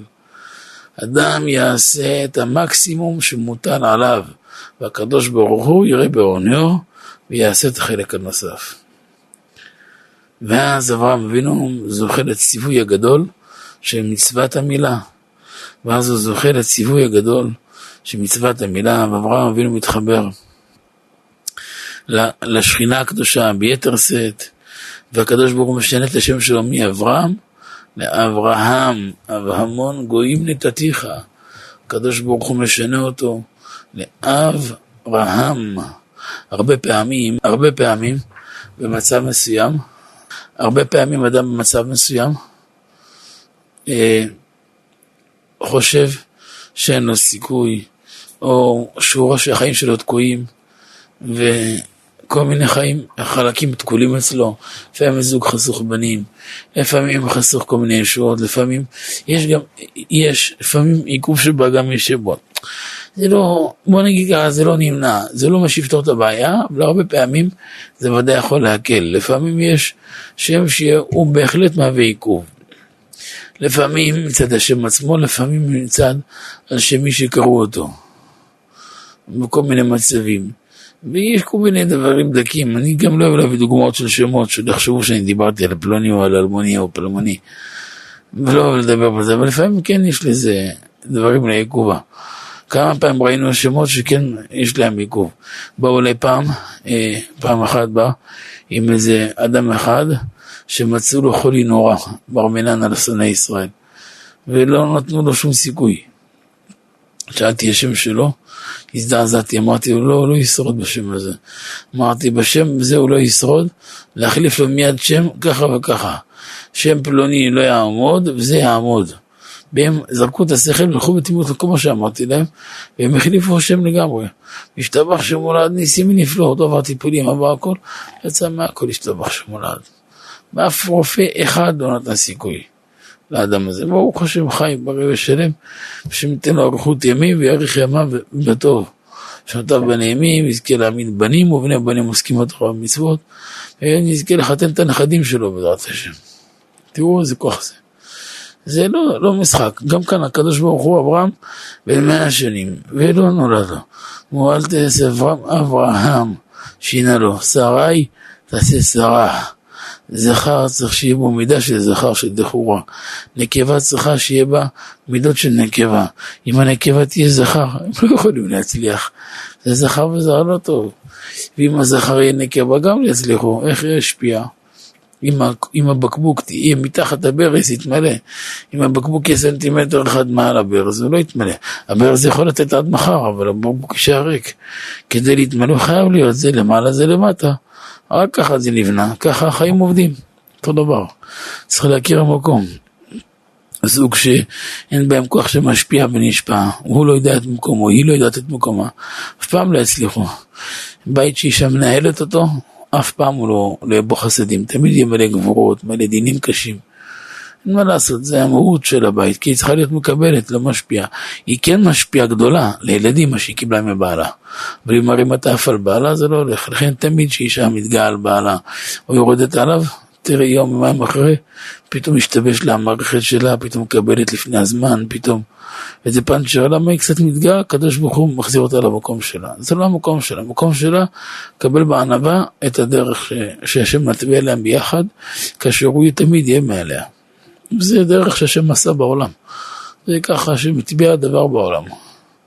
אסור לשחק עם הדברים האלה. ורואים איך הקדוש ברוך הוא נהג עם אברהם ועם שרה בכפפות של משי. ואיזה דבר עצום זה. ואז אחרי שקדוש ברוך הוא אומר לו אברהם, אב המון גויים נתתיך בשרה, שאז הוסיף לה ה' שיהיה פוריה במקום י'. יש הרבה קוראים שרי, ויש לה מלא גבורות, וזה לא טוב. או למשל תמר, אני לא רוצה להגיד שהוקעתי שם. לא מוקיע, כל שם הוא טוב, אבל יש לו גם לפעמים קשיים. אפשר לחסוך קשיים. כל, טוב, לא, לא רוצה להיכנס לזה. עוד הרבה שמות של עדיף, עדיף שלא, לא אמרתי להחליף, אבל עדיף שלא. כמה שאפשר להימנע עדיף. אפשר לתת שם שאפשר להכיל. גם שם לקרוא על שם צדיקים, לא על שם מזעציצים. אם יקראו לילד על שם מזעציץ במדבר, מה ייתן לך ומה יוסיף לך? אז מה אם כל החברות בעבודה יגיד לה, פשש, איזה שם יפה. ואחרי שבוע, מה? נגמר. אבל מה ילד יסבול? יום אחד באתי לברית, הייתי צריך לצנדק. אני בדרך כלל לא שואל, אבל משהו בלב אמר לי, צריך לבדוק. שאלתי, אבא, איך אתם רוצים לקרוא לילד? או סיבכת אותי. אמרתי, מה סיבכתי? רק שאלתי, הרי אם לא תגיד לי עכשיו עוד דקה ברית, תצטרך להגיד את זה. אמר לי, לא, אל תשאל. אמרתי לו, אתה כבר יודע שזה לא טוב מהתגובה שלך, מה? אמר לי, רציתי לקרוא לו ראי. אמרתי לו, מה זה ראי? מה האותיות? אמר לי, רש, עין, יוד, אמרתי, איזה גדולים, זה הפירוש. אמר לי, לא, אל תשאל אשתי. אמרתי, אני אדבר עם אשתך. ניגשתי לדבר איתה שהתחילה לבכות, לצרוח, אמרתי, טוב, הכל בסדר, אני... אין עניין, אני לא ביקשתי לבוא לכאן, אתם רדפתם אחריי לבוא לכאן, לי יקר מאוד הזמן לבוא לכאן. מאח לאח לא הסכמתי לשבת, הושבתי את הסבא. הושבתי את הסבא, אמר לי, מה תעשה קידוש? אמרתי לו, לא עושה. אחר כך אמר לי, הרב, למה לא הסכמת? אמרתי, אני יכול להכניס את הנשמה הזאת לבית סוהר? על לא עוול בכפה? לא, היא לא עשתה כלום. למה שיסבול? שאני אתן לו לסבול? לא, אני לא אתן לו לסבול. רואים כמה צריך זהירות בדברים האלו. אם אדם הולך לרב לשאול שם, אם ליווה אתכם שם, היה לכם הרגשה על שם, חשבתם משהו, התחברתם למשהו, תכתבו לרב, חשבנו עלי ככה או ככה או ככה, או אם נראה על הרב אחרת, מה שיגיד הרב מצוין. יש שמות שהם לא רעים, בסדר, אבל אפשר יותר טוב. אתה יכול לתת לו מנוע של 50 סמ"ק, אתה יכול 500 סמ"ק או אתה יכול 5,000, מה עדיף? למה תיתן לו 50 סמ"ק? כמו בנטה, כמו מסכים כל דבר כזה, אני אחליש אותו. ניתן לו כלים טובים. זה דברים עוד הרבה מעבר לזה שלא רוצה להאריך בהם. בכלל הקדוש ברוך הוא ניגש, בדחילו ורחימו הוא אצל אברהם. וגם שימו לב, הוא לא בא לבשע שהוא יתקרב. הוא כמה שנים, הרבה שנים כי הוא הדרך עם הקדוש ברוך הוא. עד שראה שאברהם בשל לקבל שינוי. וזה דרך. זה חוכמה גדולה. השתבח שמו, חוכמה עצומה של הקדוש ברוך הוא השתבח שמו לעד, איך הוא עושה עם אברהם אבינו כדי שאברהם אבינו ייקח את העוגה הזאת, נכון. אבל מיד אחר כך ראית את השלמות שהוא זכה. ואז בשביעי, ויאמר האלוהים אל אברהם, ואתה את בריתי תשמור.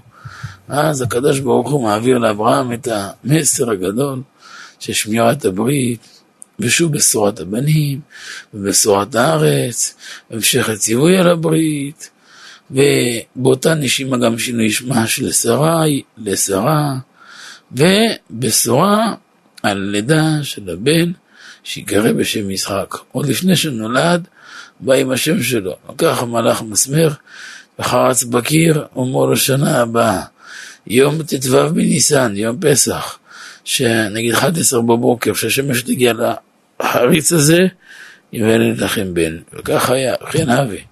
בדיוק ככה היה שנה אחרי. ואז נצטווה ואתה את בריתי תשמור. שימו לב, ברית היא כפולה. ברית לעולם זה קשר בין שתיים, למשל ברית הנישואין. זה קשר בין שתיים, אין ברית עם אחד.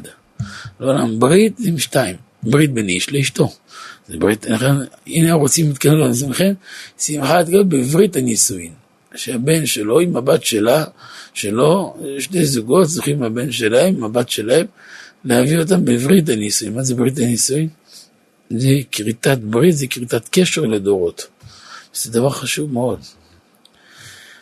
בברית יש שתי צדדים. יש צד לכאן וצד לכאן. הברית כאן זה ברית שלנו עם הקדוש ברוך הוא. לברית יש שתי צדדים. מצד אחד אנחנו נאמנים להשם, אבל גם השם נאמן לנו. וזה קשר. זה קשר חשוב וקשר לדורות. הוא קשר מאוד מאוד מהותי. יש כאן, בכל אופן המהות של הברית זה מציאות של שתי צדדים. ושזוכים לתפוס את שתי הצדדים, מגיעים לשלמות מאוד מאוד גדולה. רק מתוך זה אפשר לזכות לאור של תורה, של תפילה, של תשובה, של קדושה, להרגיש את השם, לביטחון אמיתי. וזה נקודות שפותחים לאדם הרבה הרבה צוהר חדש. בפרט שאדם בא ורוצה לתקן את הנושא הזה, וזה מפתח גדול, גדול מאוד, אז דווקא בדבר הזה צריך לדעת איך ניגשים למושג של ברית. טוב, אולי נכון לייחד לזה שיעור נוסף, כי זה שיעור עדין אם נספיק יום חמישי או לא יודע, בלי נדר. אבל זה שיעור עם הרבה הרבה משמעות וכלים לחיים. אז בכל אופן כאן אנחנו רואים איך אברהם ניגש וזוכה לזכות הזאתי, ואברהם בן 99 שנים, 99 שנה, וזה המפתיע של הפרשה בהימולד בשר עולתו. אברהם אבינו מבצע את דבר השם כפשוטו, במסירות נפש ומעל את עצמו. וכאן אנחנו רואים איך בכל קטע בפרשה, בכל קטע וקטע בפרשה, איך אוחזים במידתו של אברהם אבינו. אמ, כמו שנאמר, תיתן אמת ליעקב, חסד לאברהם, שנשבעת על אבותיהם מקדם, כלומר שהעבודה של אברהם אבינו הייתה עבודה שלא מסתיימת לעולם של חסד. ומידת החסד של אברהם אבינו צמחה ועלתה ועלתה ועלתה ועלתה עד שכל העולם נכבש תחת אברהם אבינו. כמו שכתוב לתולדות השמיים בארץ ויברעם, דרשו רבותינו בבראשית רבה י"ב, ויברעם תחלק באברהם. למוס בזכותו של אברהם אבינו נברא השמיים וארץ וכל אשר בם. בזכות מידת החסד של אברהם אבינו. כיוון שכל העולם כולו נברא בעבור מידת החסד, כמו שכתוב בתהילים, אני אמרתי, כי אמרתי העולם חסד ייבנה. ומתוך מידת החסד של אברהם אבינו, צמחה ועלתה מידת העין טובה שהייתה בו. כמו שאמרו במסכת אבות פרק ה', משנה י"ט, כל מי שיש בו, שלושה דברים הללו את המידה של אברהם אבינו. שלושה דברים אחרים, את המידה של בלעם הרשע. מה המאפיין של אברהם אבינו? את המידה של אברהם אבינו, עין טובה, נכון? עין טובה, רוח נמוכה ונפש שפלה. את המידה של אברהם אבינו. את המידה של בלעם הרשע, עין רע, רוח גבוה, נפש רחבה. מה בין את המידה של אברהם אבינו, את המידה של בלעם הרשע? אז התנא אומר את המידה של אברהם אבינו, אוכלים בעולם הזה, נאכלים לעולם הבא. שנאמר בנכי, לא אבייש ועשרותיהם המלא. כוח מידת החסד שלהם, העין טובה שלהם בעולם. ועם אנשים תמיד זוכים להיות משפיעים טוב. אבל את המידה של בלעם הרשע, יורשים גיהנום ויורדים לבאר שחת, שנאמר, את האלוהים דורדיהם לבאר שחת, אנשי דמים מרומה ליוחצי ימים, ואני אבטח בך. בכל אופן, רואים שאברהם אבינו הביט בכל אדם בעולם בעין טובה. בכל אדם שהוא רק פגש, הוא ראה בתוכו את הניצוץ האלוקי שמחיה אותו. אף פעם לא ראה איך האדם הזה נראה. אני זוכר הייתי ילד קטן, הלכתי עם אבא שלי. הרב עליו השלום, רבי יורם מיכאל, זכותו יגן עלינו. פתאום נכנסנו, לקחנו ימינה אחת, היה שם כמה אנשים צעירים בלי כיפה. אז הם התביישו מאוד מהרב, נשקו לו את היד, שם איזה יד על הראש, כל אחד שם איזה מפיון, מה שהיה לו. אחד לא היה לו והתבייש, אמר הרב, סלח לי, אין לי כיפה. והרב נשק הראש שלו, אמר דווקא אני רואה כיפה ענקית על הלב. אני מאוד התרגשתי לשמוע תשובה כזאת, הייתי ילד קטן. שמעתי תשובה כזאת, זה עשה לי שינוי תפיסה בכל העולם. תגיד לבני ברק שיגיד לך דבר כזה. כשרואים גוף, תלמדו כלל לא רואים נשמה. מי שרואה נשמה לא רואה גוף. הרבי מלובביץ' ראה כל החיים נשמה, לכן הוא יכל להתעסק עם כולם.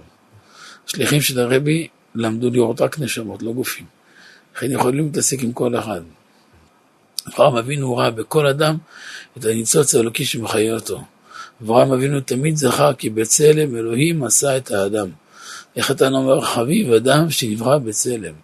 הווה אומר שכל אדם בעולם נברא בצלם אלוהים, ולכן הוא חביב, וכמו שאמר התנא באבות פרק ג', חביב אדם שנברא בצלם, ויש לכבד אותו כראוי לו.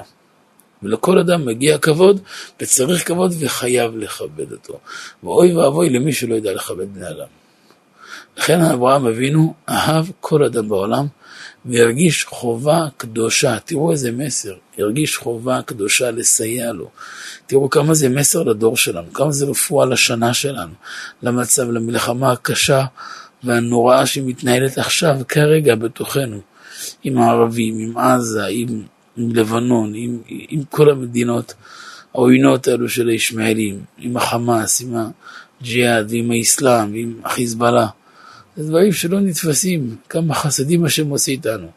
אם לא החסד העצום של הקדוש ברוך הוא איתנו. אברהם אבינו אהב כל אדם בעולם, הרגיש חובה קדושה לסייע לו, גם בגשמיות וגם ברוחניות. בגשמיות אברהם פתח לו לרווחה לכל אחד. קיבל בתוכו כל אדם, יהיה אשר יהיה. הוא קיבל אותו בשמחה, במאור פנים. העניק לו אכילה, שתייה, לינה, מהודר, חינם מן כסף. תגידו לי, גם ישמעאלים יש להם הכנסת אורחים. הוא יכול להכניס אותך לאוהל וישים לך פיתה דרוזית, אבל ביציאה מאוהל גם ישים לך סכין בגב. יהודי יפתח לך את הבית ויאכיל אותך, ויחזיר לך חיבוק גם אחרי הגב. אין דבר כזה אחרי הגב. אבל אצלם, סכין בגב עם היציאה. ברוחניות אברהם דאג לנצל כל מפגש עם בני אדם, ללמד אותם על בורא העולם, על המנהגים של הקדוש ברוך הוא, שהוא מנהיג של העולם, עורר בהם את האמונה בהשם, למי יש לעבוד, ולא הניח לאדם עד שיצליח לקרב אותו תחת כנפי השכינה. אברהם אבינו מעולם לא ראה אדם מכוער, במובן הרוחני של הדבר. הוא לא חיטט בחסרונות של אנשים, הוא לא מיהר לחייב אותם, הוא ידע למצוא בכל אדם שלל גדול של נקודות טובות. כל אדם היה יפה בעיניו, כל אדם היה נפלא. כמו שכתוב בתהילים אהבת צדק ותשנא רשע. תראו את זה בתהילים פרק מ"ה, מ"ה גמטריה אדם, אדם שלם, אדם שלם אדם. אדם זה אברהם אבינו. הוא אהב, אהב את הצדק, אהב, אמורים רבותינו במדרש רבה, בראשית רבה מ"ט, אהבת צדק, אהבת לצדק בריאותיי. אהבת להצדיק את האנשים, למצוא בהם נקודות של זכות, אבל לא רק זה, ותשנא רשע מאנת לחייבם.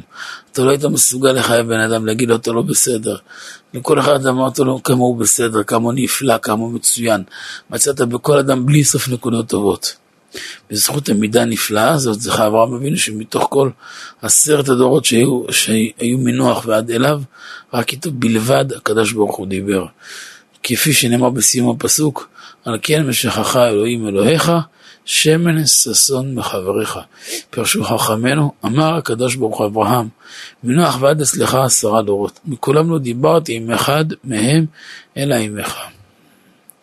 אומר רבא הקדוש רבי יורם זכותו יגן עלינו, אין ספור פעמים הזכרנו את היסוד הגדול שלימדנו הבעל שם טוב הקדוש, שהזולת הוא הראי.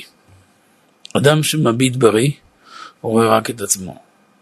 מי שרואה בראי אדם יפה, נקי מסודר, סימן שהוא יפה ונקי ומסודר. והוא אדם מלא לכלוך ומלא גריז ושמן, סימן שהוא מלוכלך. אומרים, ראיתי בבעל שם טוב הקדוש שהיה לו תאווה גדולה. תאווה.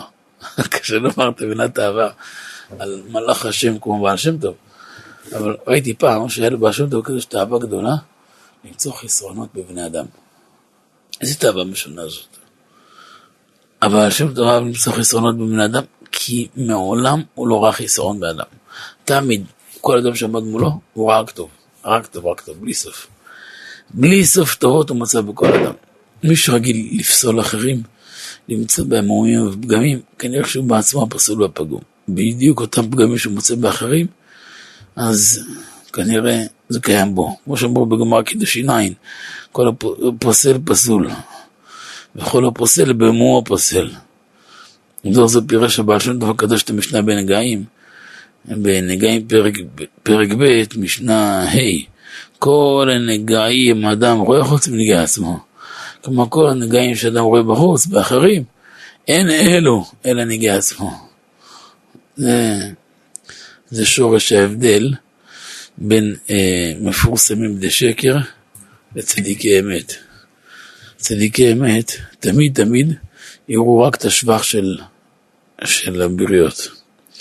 גם כשהוא יראה משהו לא טוב, קודם כל יתקן בעצמו, ויעשה תשובה שלמה על זה, ואחרי שהוא יעשה תשובה שלמה ויתקן איזה ניצוץ, אם יש בתוך משהו מזה, ואז הוא גם יוכיח למישהו ויגיד לו משהו בעדינות. אבל המפורסם בדי שקר, הוא לא רואה אף פעם נגעים בעצמו.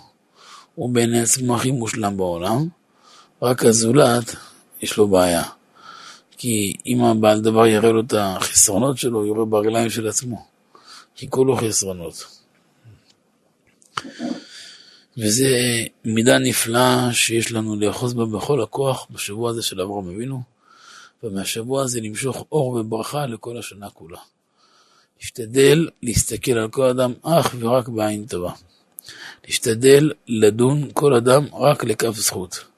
להשתדל לחפש אך ורק נקודות הטובות שבכל אדם. אפילו בין בני זוג, הרבה פעמים רואים חולשה, במקום לחשוב ביקורת על אשתך, ביקורת על בעלך, תחשבו כמה הוא נפלא. אמרתי פעם לזוג אחד שאין להם בעיות בלי סוף ביניהם. אמרתי לגברת, תספרי 30 מעלות בבעלך. מה פתאום הוא מפלצת, והוא ככה, והוא והוא והוא. יופי, אחרי שהוא גם ככה, תספרי 30 כבר. מה, הוא לא מפרגן? לא, בחיים לא. כרטיס אשראי אצלי, מי או אצלו? לא, אצלי, אני עושה קניות. הוא עומד אחרי כל ההוצאות? יאמר לשבחו כן. יש לך אוטו? כן, מי הביא לך את האוטו? טלפון מי הביא לך? מי עומד אחרי כל האלפי דקות שאת מפטפטת בחודש? את האמת, כן, הוא גם אדם טוב, באמת, הוא נפלא, הוא אף פעם לא העיר לי, הוא אף פעם לא הגביל אותי, אף אז מה את רוצה? הוא כולו נתיינה, הוא כולו צדקה, וגם עכשיו שהוא מסכים להיות נשוי איתך בכלל, זה, זה עבודת נפש יש לו.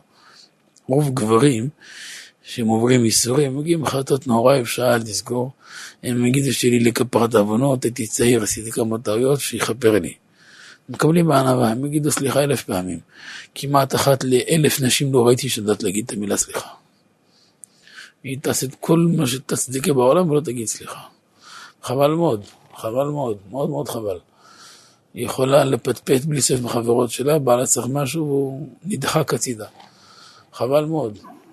אם מבינים את הפרשה שלנו, רואים שמאברהם אבינו לומדים לראות רק טוב אחד בשני, בפרט בין בני זוג. אם בני זוג בעצמם לא יראו טוב, ובלי סוף מעלות אחד של השני, איך, על איזה קרקע יגדלו הילדים, איך יכולים להצליח. נכדים רואים סבא וסבתא כמו חתול ועכבר כל היום. איך יכולים להצליח? הם רואים סבא וסבתא מציאות אחת. זה שלמות. ילדים צריכים לדעת, אבא ואמא זה לא שתיים, זה אחד. רק השם עשה שתי גופים, הגופים מחולקים. חוץ מאשר שזה גוף של איש ואישה, וזה אבא וזה אימא, זה נפש אחת, זה רוח אחת, זה נשמה אחת. זה נשימה אחת, זה מציאות אחת, זה הוואי אחד. רק ככה בונים שותפות. ותמיד כל שותפות עושים ביחד. כל מחשבה חולקים ביחד, מדברים יחד. אהבת אמת, אהבה נקייה שאין בה שום סדק, שום נדנוד של אבק. ולדרוש ולטור ולחפש רק אחרי נקודות טובות. בשיעור זוגיות, אחד השיעורים, אמרתי להם עכשיו שיעורי בית. כל אחד מוציא דף ועט כותב 30 מעלות על עצמו. אחר כך 30 מעלות על אשתו, 30 מעלות על, על הבעל. אנשים הסתבכו, קיבלתי אחר כך למחרת הצעות של דון קישוט, אולי להדפיס יומן עם רשימת מעלות ועם רשימת זה, כל מי ששרוט הציע הצעות לפי עומק הסריטה שלו. צריכים על זה הרבה הרבה תשובה בכלל עצם ההווה המין הזאת. מה אני רציתי, שיעתיקו באינטרנט? מטומטמים. רציתי ש, ש, שילמדו בעצמם כבר משהו, שיעשו משהו מועיל עם עצמם. מי שלא יודע למצוא נקודות טובות בעצמו, איך ימצא נקודות טובות באחרים? כל התורה של רבי נחמן מושתת על זה. מבז ליום קטנות, מגרם להם לצדיקים, שהתבזבז שולחנם לעתיד לבוא, קטנות שהייתה בהם, שלא האמינו בהם בעצמם. ונהי בעינינו כחגבים וכן היינו בעיניהם. דוח שאדם נראה בעיני עצמו כמו חגב, זו לא ענווה, זו ענווה פסולה. ענווה זה לא להגיד אני, אני טיפש, אני לא יכול, אני לא מסוגל. אני יכול ואני מסוגל ואני יכול להזיז את העולם בכוחו יתברך. זה ממנו ואליו. ענווה זה כוח. משה סמל הענווה ותכלית הענווה, דווקא הוא שהסמל הענווה יכול להנהיג את העם בתוקף, בעוז וגבורה. ענווה זה שלמות, שלמות גדולה מאוד.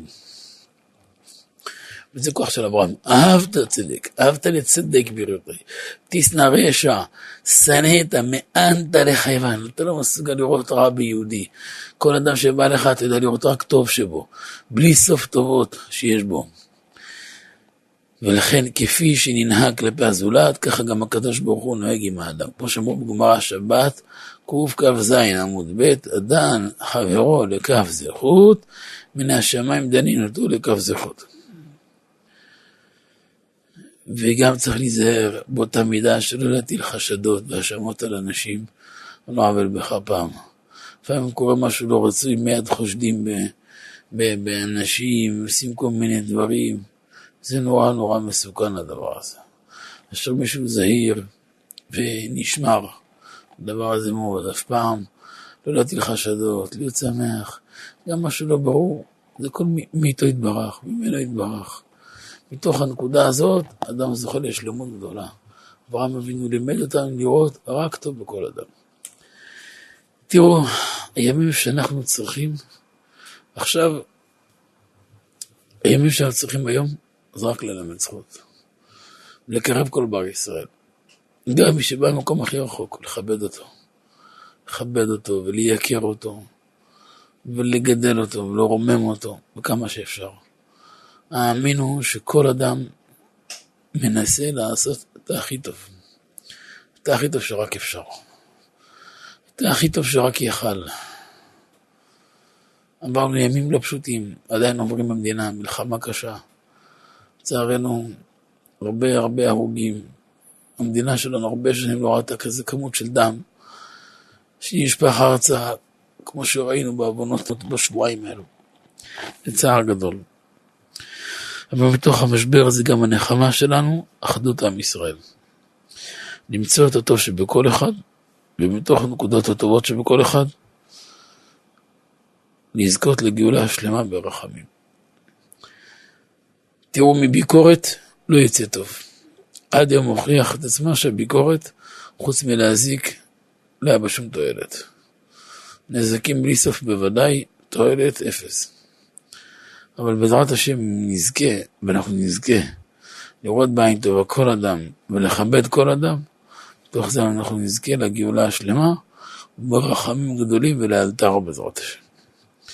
אז יהיה רצון בפני אבינו שבשמיים, שהשיעור הזה יהיה לרצון, ונחת לפניו יתברך, ויזכה שבזכות של אברהם אבינו, שנברא שמיים וארץ, אלה תולדות השמיים וארץ ויברעם, בזכות אברהם, שבעל נתינה, בזכות בעלי נתינה העולם קיים.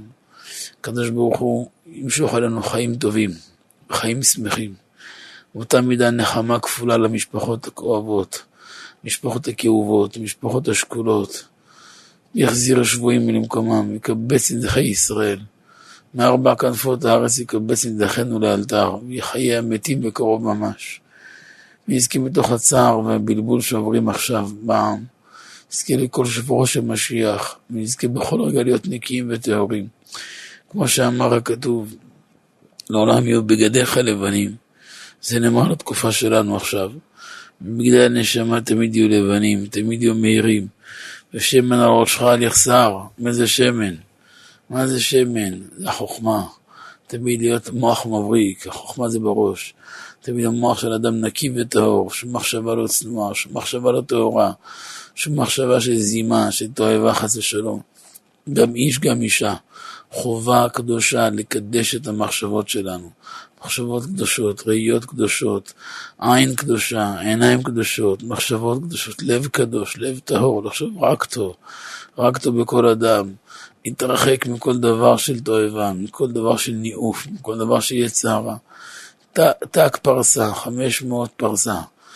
אה, בלי סוף מרחק, בלי סוף מרחק מכל נדנות של עבירה, להיות כלי קודש, לראות איך אנחנו מגלים את השם בעולם, וביתר שאת ויתר עוז. נזכה בקרוב לגאולה השלמה ברחמים. נזכה בעזרת השם לשמוע כל שפרו של משיח במהרה בימינו ממש. נראה איך הקדוש ברוך הוא בא וגואל אותנו, והוא משמח אותנו להיבנה בית המקדש במהרה בימינו עוד השנה הזאת. נזכה עוד השנה לאכול מהזבחים, מהפסחים. ודם שנשפך עד כאן, בזה ייחתם שפיכת הדם. ולא ייפול שיער משיער ראשו של יהודי יותר ארצה. וגם הרגע, איפה שנמצאים החיילים היקרים, הקדוש ברוך ישמור עליהם, ישמור צאתם ובואם לחיים טובים ארוכים ולשלום. כאילו כוחות הביטחון, אם זה המשטרה והצבא והשב"כ והמוסד וכוחות ההצלה ומד"א ומכבי אש ו... וזק"א וכל שאר הכוחות שעוזרים איתם, מסייעים בקודש. כל מי שקשור לזה בכל דרך, בנגלה ובנסתר, הקדוש ברוך הוא ישמור צאתם ובואם ויחזיר אותם בריאים ושלמים ושמחים הביתה. חיילים היקרים יזכו להקים בתים קדושים, והנפסים יתמידו בביתם, יהיה שום תקלה חס ושלום. כולם יחזרו בריאים ושמחים, ויתפרדו מעלינו כל פועלי אבן, כל מיני גויים רשעים, אומות העולם. ומעתה יתקיים בנו ותרם כראם כרני, נזכה לגאולה ברחמים ובקרוב ממש, אמן כן יהי רצון. ברוך אדוני לעולם, אמן ואמן. אתם שלום, ותכם שלום, וכל אשר לכם שלום. תזכו לשנים רבות, נעימות וטובות.